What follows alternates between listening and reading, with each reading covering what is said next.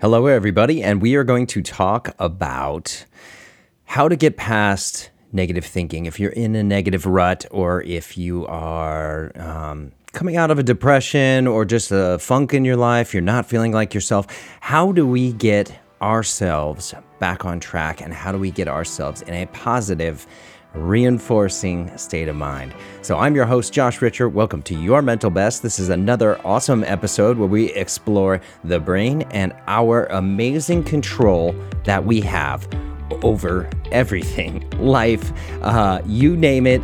The entire world that we see around us is a filter from our brain, our thoughts, and our everyday thoughts.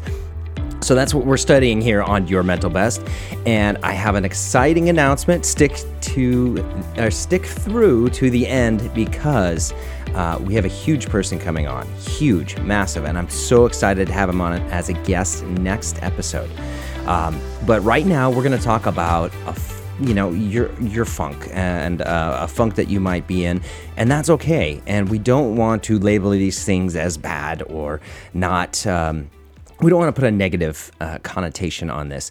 So we just want to figure out how to get out of it. I mean, that's that's the ultimate point, right? Is we want to know what to do to get out of this. And you know, I recently went through a little bit of a low and some stuff uh, some things were going on in life and I have to admit it was it was hard. It put a lot of pressure on me and I did. I kind of felt like I did lose my edge and I mean, you guys know I'm always honest with you and I'm always forthright and I bring that to the table every single week. So this isn't any different. Um, I was in a funk and I felt like I was having trouble getting out of it. So, what do we do in that case? Well, I realized that I, you know, I, I, I wasn't doing the smallest of things. Um, I wasn't doing uh, what I preach. I wasn't doing my gratitude list. I had fallen out of uh, practice of that. And so, first step Number one is go back to gratitude. Always go back to gratitude. I mean, when in doubt, uh, fill it out. That gratitude list every morning. You need to do that. That puts you in a positive state of mind. And that's going to start to, because what was happening with my brain and what happens when we get in these negative ruts is we start uh, in these sort of negative thinking spirals. And that can um, just keep sort of compounding on itself. So we got to break that and we have to get into a positive state of mind how we do that, or a wonderful way of doing that, and it works like uh, magic glue, is gratitude. So, the smallest of things, we start our day with the things that we're grateful for in life, that we do have. We get caught up in life and what we don't have and what we're striving for. And I have to admit, I mean, I'm a guy. I that's my natural tendency is to go back into like work, work, work, do, do, do mode. And I I have to drop into surrender and I have to drop into gratitude and watching my everyday thoughts is the ultimate control that I will have over life. So we go back to the smallest of things which is our thoughts, our daily thoughts. That's the one thing that and our reactions to the world. That's the one thing that we do have control over. Now, last episode, we talked about the morning uh, ritual and the gratitude list. And so, going back to that, being proud of ourselves from something that we did the day before, taking notice of those things that we are achieving and then those things that we do have. It's super important to stay on track with all of this and to keep this up as a daily practice. So, to get out of the funk, first step is going back to gratitude and going back to those positive I am statements and uh, all of those positive infusing things in the morning ritual from last episode. So, big deal. We'll do that. And uh, the next thing we have to do, you know, it's super important. And I was getting caught again, um, you know, I'm a guy. This is this is what we do. Um, I was getting caught again in striving you know all, all of this coaching and having to um, produce all this content it was becoming um, a lot of it was becoming a lot of pressure on me to keep pumping stuff out and that's why you haven't heard from me in a little while and i'm so sorry i was feeling a lot of this pressure and i had to switch my thinking you know success is not what we have or what we've achieved or the things that we have. We have to flip our success barometer and start thinking of success in the framework of who we are. Um, I can be a better person every day. I can strive to be a better um, boyfriend, coworker. I can strive to be a better um, person for my family and my friends, and I can reach out and I can be a better friend, uh, family member, uh, partner for my girlfriend. And you know, this these are things that you can improve and that you do have control over. And if you're taking the steps every day, then you will have this control. So Yes, uh, that is number two. We change our success barometer from things uh, or titles or whatever uh, that we can't control and switch that into who we are as a person. And that's something you can measure. You can be a better person today than you were yesterday. And you can learn from your mistakes and you can grow and you will. And then those mistakes aren't failures anymore. Those are just steps along the way. Those are, you know, they become opportunities to learn and opportunities to grow, change, and be better and be more successful. And the third part is comparing. So, comparing is a big thing that also keeps us in a negative spinning mind. Now, I want to talk about watching our thoughts. Uh, all of all of this, all of my work centers around you know keeping an eye on what what's going on in your head and becoming that conscious observer.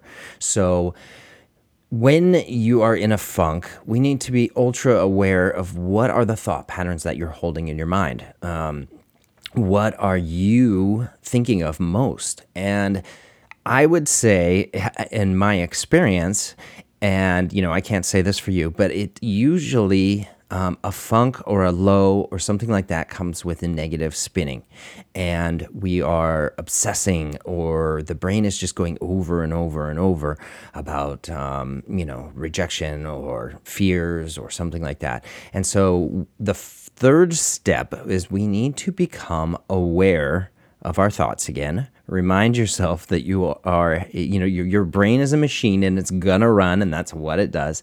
So remind yourself to take a look at your thoughts and the quality of your thoughts. What is spinning? Why is it going round and round and round? And, you know, if you have a moment in your day, you might be able to explore what's underneath that. Um, you know, why why am I struggling with this or why am I having trouble getting past that? Is there a fear? You know, gen- generally it's a fear of something happening, and that's building the anxiety, and then those spinning thoughts are causing depression. So, um, or negativity or a funk or, or whatever. So we got to look at the thoughts. What what is spinning and then what's possibly underneath that? Why is that a spinning reoccurring thing? Am I afraid of something? And acknowledging these thoughts and taking a look at it and taking the moment to explore these thoughts this this is huge. This is massive. I mean uh, awareness is key so before we were just blissfully going through our lives and didn't uh, take stock of any of this and we just reacted to the world as it happened to us and that was it you know we had this big reactionary life and um, we might have pissed people off or done done things or said things uh, from a place that wasn't our most powerful, genuine, true self. We were saying these things out of fear or out of, um, you know, anger or these some of these emotions that uh, that are being brought up. So take a look at what's underneath your thoughts if you have a moment. Why are you feeling fear? Why why is this coming up for you? In that exploration, there's a lot of insights. And you can realize that, wow, I, I didn't think that this was affecting me so bad, or I didn't think that um, what this one person said had really, um, you know, done that much to me. But looking at it now, I see these fears that are brought up, or I see these uh, emotions that are coming up, and be okay with it. You know, we don't. What we don't want to do is stuff these emotions down. It's all about being aware of it and being okay with them. And so you're allowed to feel fear. You're allowed to feel scared, and that's okay and I'm going through the same thing right now myself too. I'm coming up with a uh, coming through a lot of business fears. You know, I had that my massive crash of my tech company, and as I'm building this new business, I too am running up against fears, and so I acknowledge them. I see that they're there, um, and I'm not trying to stuff them, and I'm not trying to do anything with them.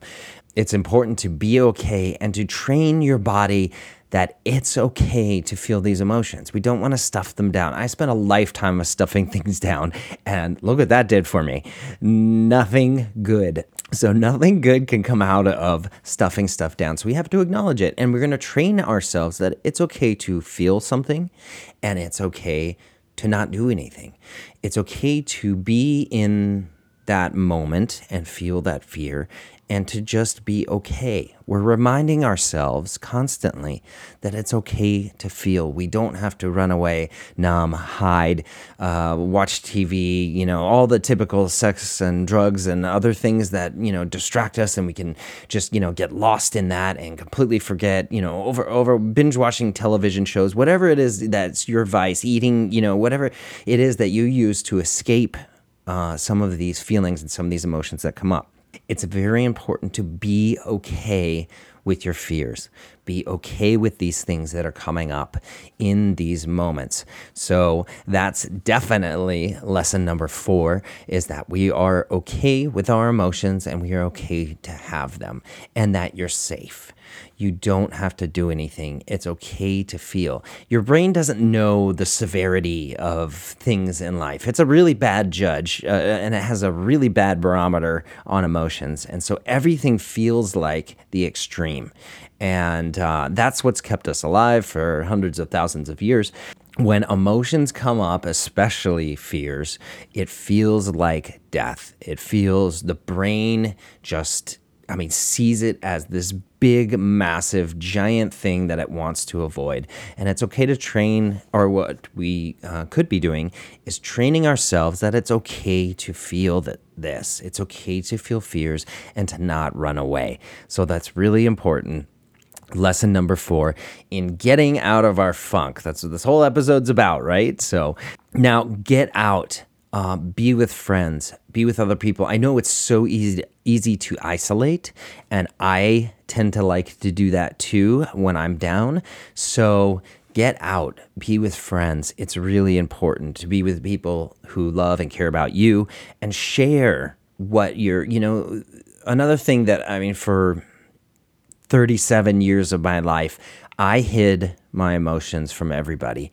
And it's important to be real with people. If you're real with people, they're going to be real back and it deepens your relationship. I mean, my relationships got so much better when my entire dirty laundry was exposed to the world. I, I mean, it was like, talk about death, talk about fear. That was my absolute most scared moment in life was when um, all of my life became public to everybody um, during my crash.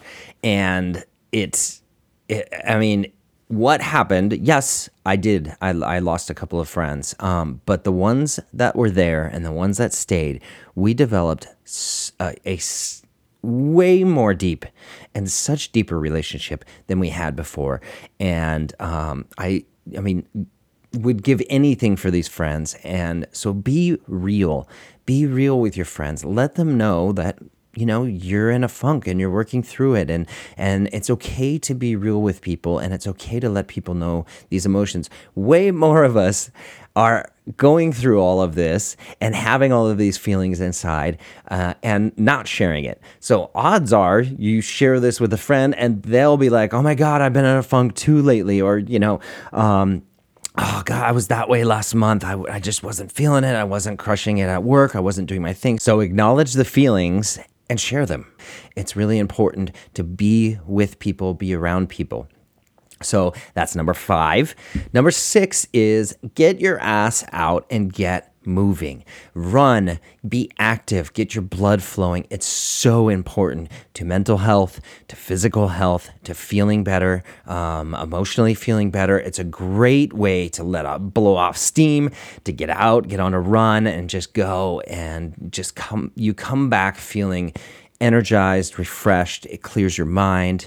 Um, go surfing if you live near an ocean. I know my buddy Shane does that all the time. He goes out for like eight hours, and that's his therapy.